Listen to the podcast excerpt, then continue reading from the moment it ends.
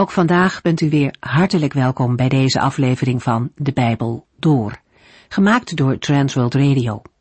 Voor meer informatie kijkt u dan op onze website transworldradio.nl. In deze serie gaat u in vijf jaar tijd met ons de Bijbel door, van Genesis 1 tot en met het laatste vers in Openbaring 22.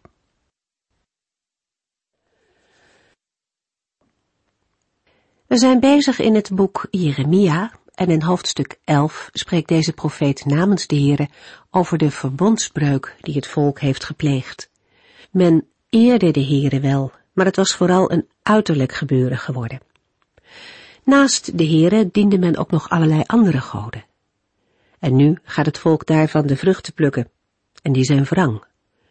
Het volk had deze gevolgen echter kunnen weten, al in de boeken van Mozes heeft de Heere gezegd dat er sancties zouden volgen op de verbondsbreuk. In Jeremia 11 en 12 vinden we ook een persoonlijk verslag van de profeet. De inwoners van zijn geboorteplaats Anatot willen Jeremia om het leven brengen.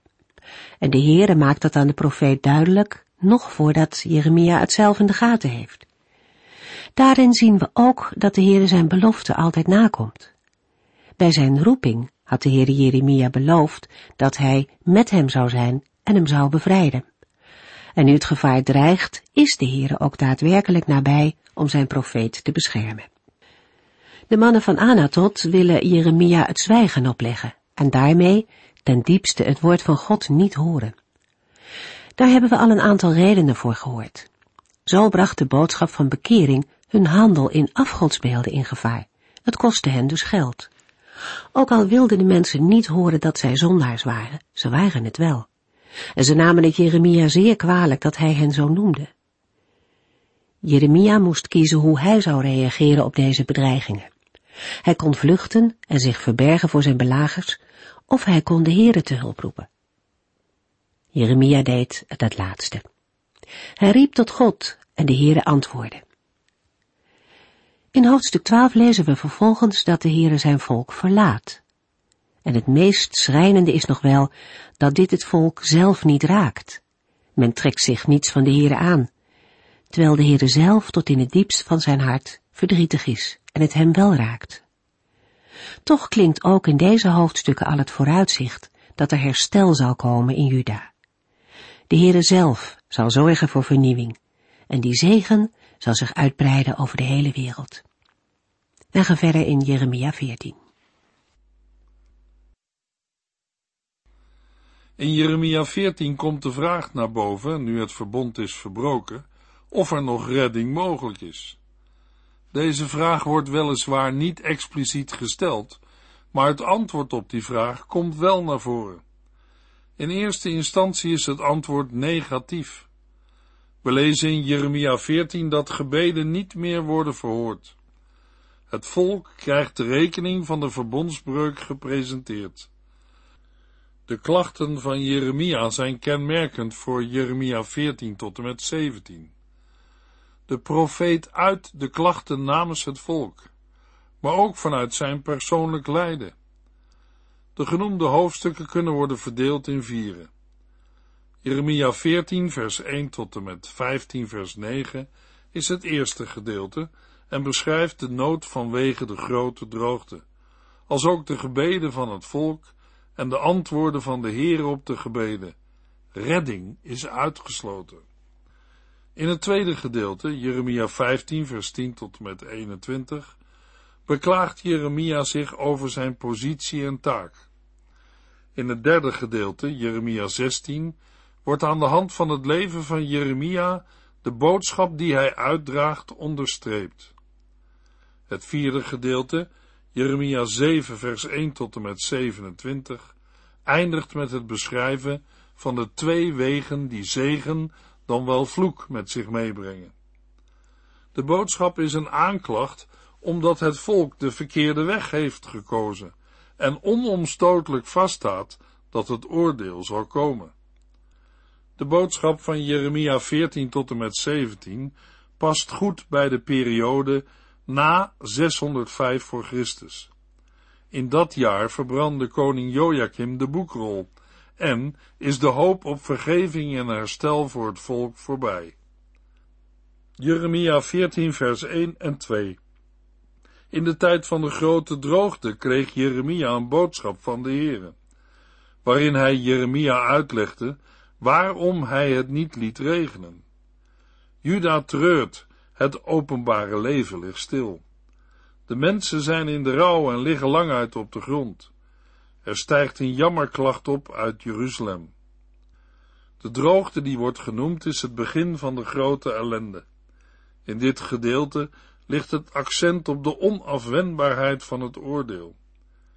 Jeremia krijgt een boodschap van de Heere die betrekking heeft op de droogte. In vers 2 heft Jeremia een klaagzang aan. Na deze inleidende woorden wordt er een profetie verwacht. De klaagzang kan daarom een profetische klaagzang worden genoemd. De inwoners van Juda en Jeruzalem treuren en jammeren. De mensen liggen in rouw op de grond. De gebruikelijke activiteiten in de poorten, zoals handel en rechtspraak, zijn er niet meer. Er wordt alleen nog gejammerd. De reden voor de rouw werd in de aanhef al genoemd, maar komt in vers 3 opnieuw naar voren. De knechten worden om water gestuurd, maar keren beschaamd met lege kruiken terug naar hun meerderen. Deze meerderen zijn de edelen of rijken van Juda. Daarmee wordt de ernst van de situatie benadrukt, want als de rijken door hun voorraad heen zijn, heeft niemand meer water. Er wordt zelfs op de gebruikelijke plaatsen geen water meer gevonden. De knechten worden erop uitgestuurd om water te gaan zoeken, maar er wordt geen water meer gevonden. De boeren beleven dezelfde schande en zijn ten einde raad. De droogte heeft zelfs grote gevolgen voor de wilde dieren, hier vertegenwoordigd door het hert en de wilde ezel. Na de beschrijving van de treurige gevolgen van de droogte volgt er een gebed. Jeremia 14 vers 7 Och Heere, wij hebben vreselijk tegen u gezondigd en weten dat onze zonden ons aanklagen. Maar helpt u ons toch ter wille van uw eigen machtige naam. Jeremia is aan het woord, maar hij doet alsof het volk het gebed van verootmoediging uitspreekt. Vol schuldbesef en zonder enige pleitgrond wordt de Heere gevraagd te handelen. Wat hij moet doen wordt niet genoemd, maar er wordt vanuit het verband aan verlossing van de droogte gedacht. Het volk beklaagt zich dat de Heere hem behandelt als vreemden.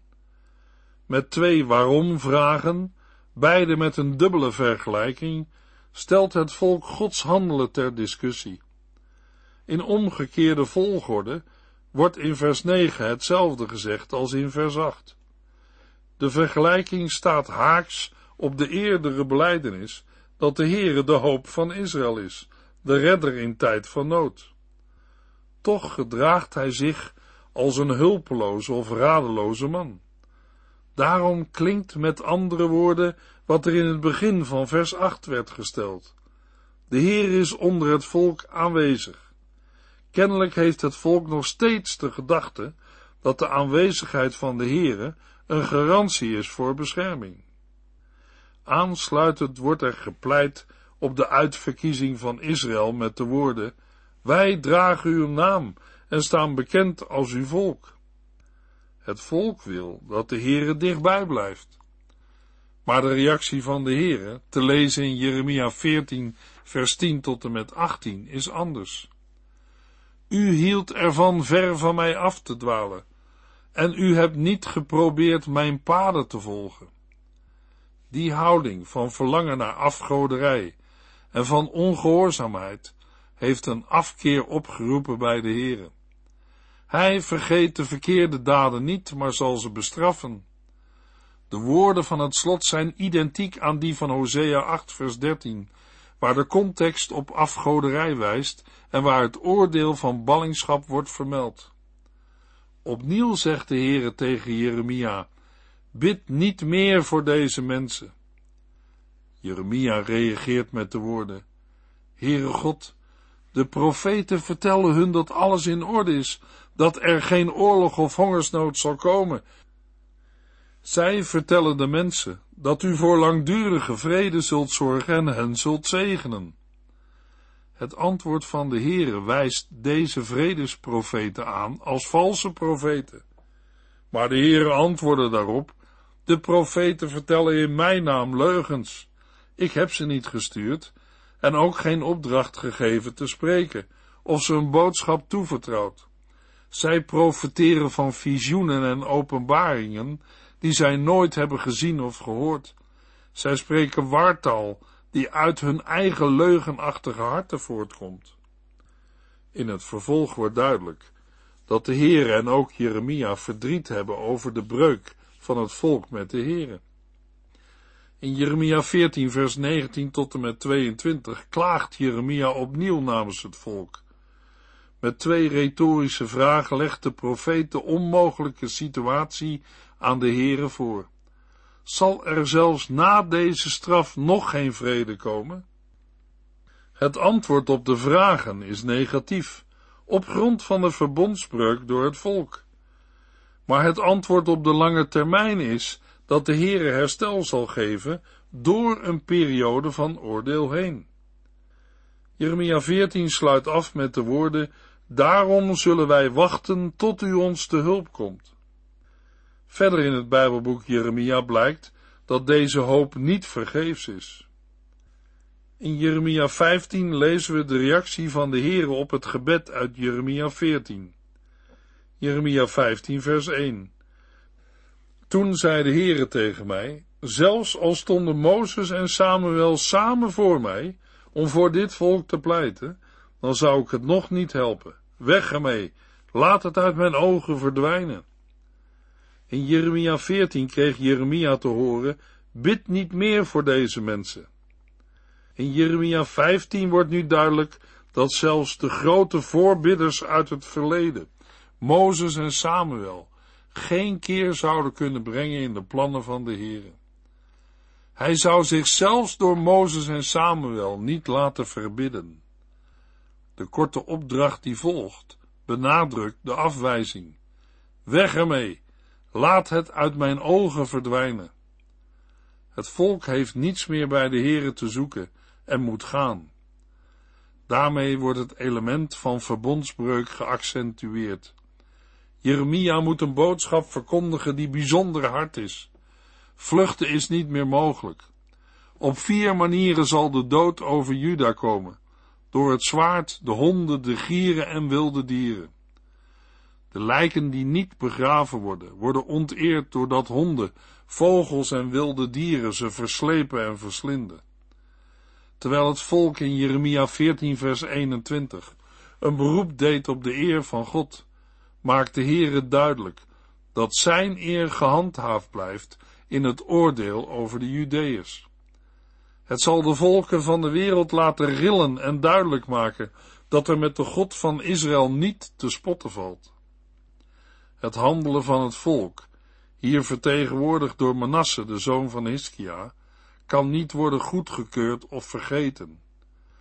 Manasse stond bekend als de koning die door zijn goddeloze daden het oordeel over het volk had afgeroepen. Door de straf wordt Juda tot waarschuwend voorbeeld voor de volken van de aarde. Uit de versen 5 tot en met 9 blijkt dat er niemand meer zal zijn die medelijden met Jeruzalem en haar inwoners heeft. Alle hoop is verdwenen. En het volk is daar zelf voor verantwoordelijk, want het heeft de Heere verworpen. In Jeremia 15 vers 7 tot en met 9 wordt het oordeel concreet omschreven. De Bijbelteksten over het oordeel van de Heere bepalen ons bij de zuiverheid en heiligheid van de Heere. Hij is geen God van halfhartigheid, maar van eerlijkheid, recht en liefde. Zo wordt op een indirecte manier Israël, de wereld en de kerk een spiegel voor gehouden. De Heere verlangt naar een wereld waar echtheid, barmhartigheid en medelijden heersen. In Jeremia 15 vers 10 tot en met 21 begint Jeremia's tweede persoonlijke klacht. Het gedeelte begint met een roep van Jeremia tot zijn moeder, gevolgd door een woord van de Heere. Daarna volgt in vers 13 en 14 een beschrijving van de buit die de vijanden zullen binnenhalen. In vers 15 tot en met 18 volgt een beschrijving van het innerlijke verdriet van Jeremia. De pericoop wordt afgesloten door een woord van de Heere tot Jeremia. Jeremia 15 vers 20 en 21 Zij zullen tegen u strijden als een leger dat een hoge stadsmuur bestormt. Maar zij zullen het niet winnen, want ik ben bij u om u te beschermen en te bevrijden. Ik zal u zeker bevrijden van deze slechte mensen en u redden uit hun wrede handen. Als Jeremia trouw blijft aan de Heere, wordt hij voor zijn tegenstanders onoverwinnelijk. De gedachte is gelijk aan die van zijn roeping. Zijn opdracht wordt bekrachtigd en vernieuwd, en dat terwijl hij zich in vers 18 tegen de Heere heeft afgezet. De kracht om stand te houden komt niet bij Jeremia zelf vandaan, maar van de Heere. Er zal weerstand zijn en er zullen tegenstanders blijven, maar de Heere redt Jeremia uit hun vrede handen. In navolging van Christus worden gelovigen ook vandaag opgeroepen om ons kruis op ons te nemen, hoeveel pijn dat ook kost.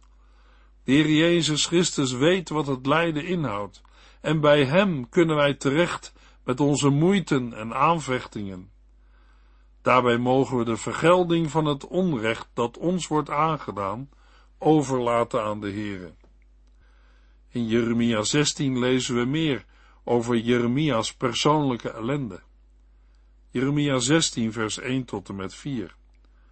Op een ander tijdstip sprak de Heere opnieuw met mij en zei, U mag hier niet trouwen en kinderen krijgen. Want zowel de kinderen die in deze stad geboren zijn, als hun ouders, zullen aan ongeneeslijke ziekten sterven. Niemand zal om hen treuren of hen begraven. Hun lijken zullen als mest op de grond blijven liggen. Zij zullen sterven door oorlog en hongersnood, en hun lichamen zullen als aas dienen voor gieren en wilde dieren. De verboden die volgen zijn door de Heer aan Jeremia opgelegd. Hij mag niet trouwen en geen kinderen krijgen. Hierdoor is Jeremia's positie uitzonderlijk, want het was gebruikelijk dat iedereen vaak al op jonge leeftijd trouwde. De opdracht niet te trouwen zal Jeremia al op jonge leeftijd hebben gekregen. Kinderloosheid werd gezien als het einde van de geslachtslijn en vaak beleefd als een persoonlijk drama. Zo moet Jeremia de hopeloze staat van het volk uitbeelden. Jeremia mag geen huis van rouw meer binnengaan, kortom, niet naar een begrafenis. De reden voor dit verbod is de afwezigheid van de vrede, de genade en de ontferming van de Heere. Iedere sociale klasse zal worden getroffen, zonder onderscheid en zonder uitzondering. De dood maakt iedereen gelijk. De ellende maakt dat noodgedwongen wordt afgezien van rouwgebruiken. Zo wordt er geen maaltijd meer gehouden om in elkaars gezelschap troost te vinden. Niet alleen rouwplechtigheden zijn voor Jeremia verboden, ook het bijwonen van feesten en partijen is niet toegestaan. Zelfs het toppunt van blijdschap, de blijdschap van een bruiloft, zal ontbreken. De dagelijkse handel en wandel van Jeremia is een oordeelsaankondiging zonder woorden. In Jeremia 16 vers 10 tot en met 13 lezen we dat de Heere voorziet dat het volk zal reageren op de boodschap en daden van Jeremia. Zij willen weten wat de reden van het aangekondigde oordeel is. Het antwoord is te lezen in vers 11 en 12. Omdat uw voorouders mij de rug hebben toegekeerd. Ze hebben andere goden aanbeden en gediend. Ze hebben zich niet aan mijn wetten gehouden. Maar u hebt zich nog erger misdragen dan uw voorouders. U volgt de slechte ingeving van uw zondige hart en weigert naar mij te luisteren. Daarom zal de Heer hen uit dit land verdrijven en u naar een vreemd land jagen. Daar kunnen ze doen wat ze willen en alle afgoden aanbidden die er maar zijn. De Heere zal hen geen voorrechten en genade meer verlenen.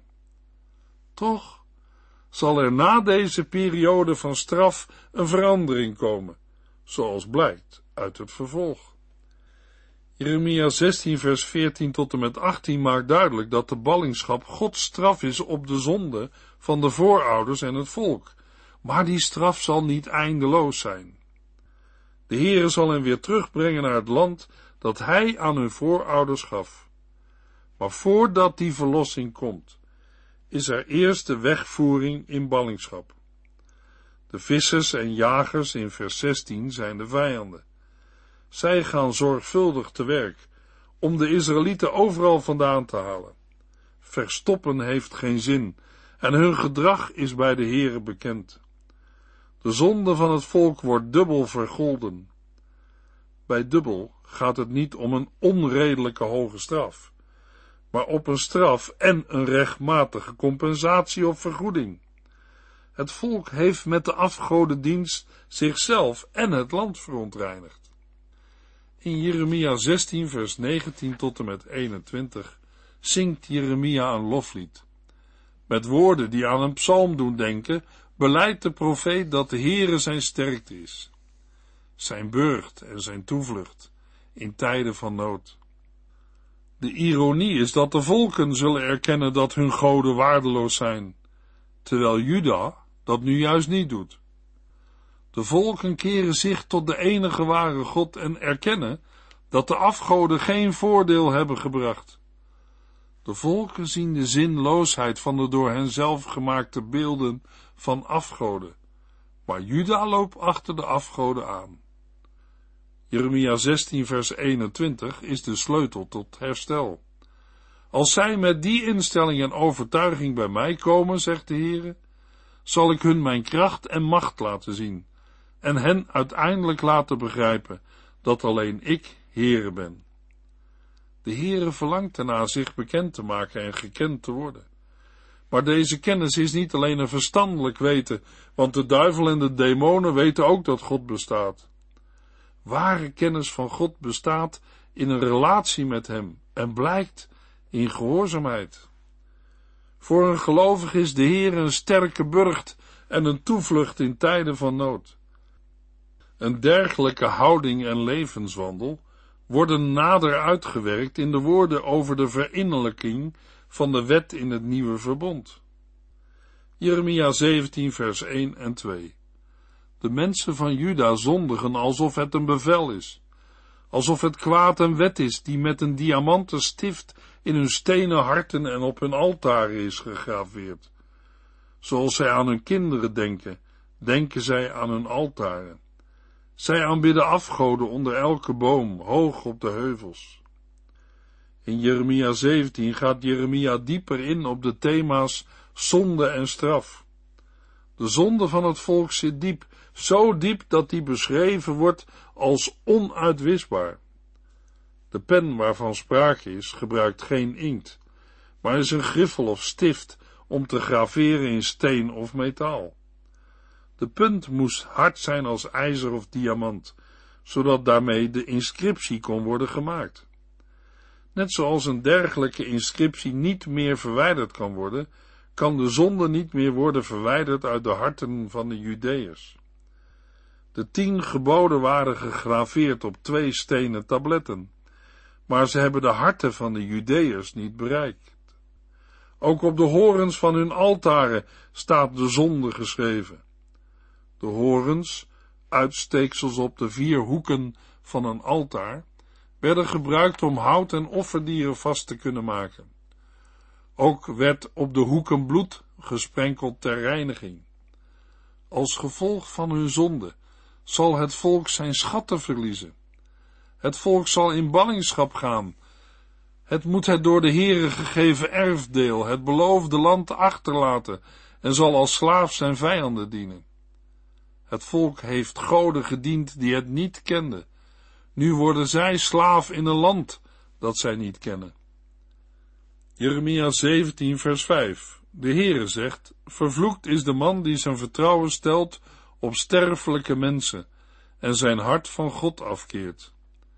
Iemand die niet op de Heere vertrouwt is te vergelijken met een kale struik in de woestijn. Hij staat op zoute grond. Zout in de grond is een vloek omdat het landbouw onmogelijk maakt. Ook doet zout denken aan Sodom en Gomorra, waar de grond niet meer te gebruiken was voor landbouw. In vers 7 volgt, als tegenhanger van de vloek, de zegen voor een man die wel op de Heere vertrouwt. De tegenstelling wordt uitgewerkt door niet te spreken over een kale struik, maar over een boom die aan een rivier staat. In vers 9 wordt met een nieuwe gedachte de vergelijking verder uitgewerkt. Het hart is bedrieglijk en ongeneeslijk. Geen mens kan het hart doorgronden. Toch is er iemand die alle harten doorgrondt, de Heere. In vers 12 bezingt Jeremia de troon van de Heere. Hij wordt aangesproken als hoop van Israël. Iedereen die hem verlaat staat voor schut. Er zal geen leven voor een zondaar zijn, want hij of zij heeft de fontein van levend water verlaten. In Jeremia 17, vers 14 tot en met 18 lezen we de derde persoonlijke klacht van Jeremia, waarin hij zich opnieuw tot de Heere richt. Jeremia begint met een gebed om genezing en verlossing. De nood waarin Jeremia verkeert, algemeen verwoord in Jeremia 15 vers 18, blijkt verband te houden met het uitblijven van de vervulling van zijn profetie. De mensen zeggen spottend, waarom komen uw woorden, de dreigementen van de Heere niet uit? Met deze spot wordt de positie van Jeremia als profeet van de Heere openlijk in twijfel getrokken. In vers 17 geeft de profeet aan dat hij niet om de oordeelsaankondiging heeft gevraagd. Hij spreekt niet uit zichzelf, maar namens de Heere. De concrete vraag die volgt is een gebed om vervulling van de profetieën. Jeremia maakt zijn gebed nog scherper door te vragen om een oordeel over zijn vervolgers. Na de beschrijving van de twee wegen en de beleidenis van Jeremia volgt in de versen 19 tot en met 27 het gebod tot heiliging van de Sabbat. In de volgende uitzending lezen we verder in Jeremia 18 en 19. U heeft geluisterd naar De Bijbel Door, in het Nederlands vertaald en bewerkt door Transworld Radio. Een programma waarin we in vijf jaar tijd de hele Bijbel doorgaan. Als u wilt reageren op deze uitzending of u heeft vragen, dan kunt u contact met ons opnemen. Tijdens kantooruren kunt u bellen op 0342 47 8432. 0342 47 8432. Ook kunt u een e-mail sturen naar de en natuurlijk kunt u ook via de post ons bereiken. TWR, postbus 371, postcode 3770, AJ in Barneveld. Dit programma werd gepresenteerd door Cor Weda en Ike André. Techniek was in handen van Odin van Voerkom. En wij allemaal bedanken u voor het luisteren. Graag tot de volgende keer.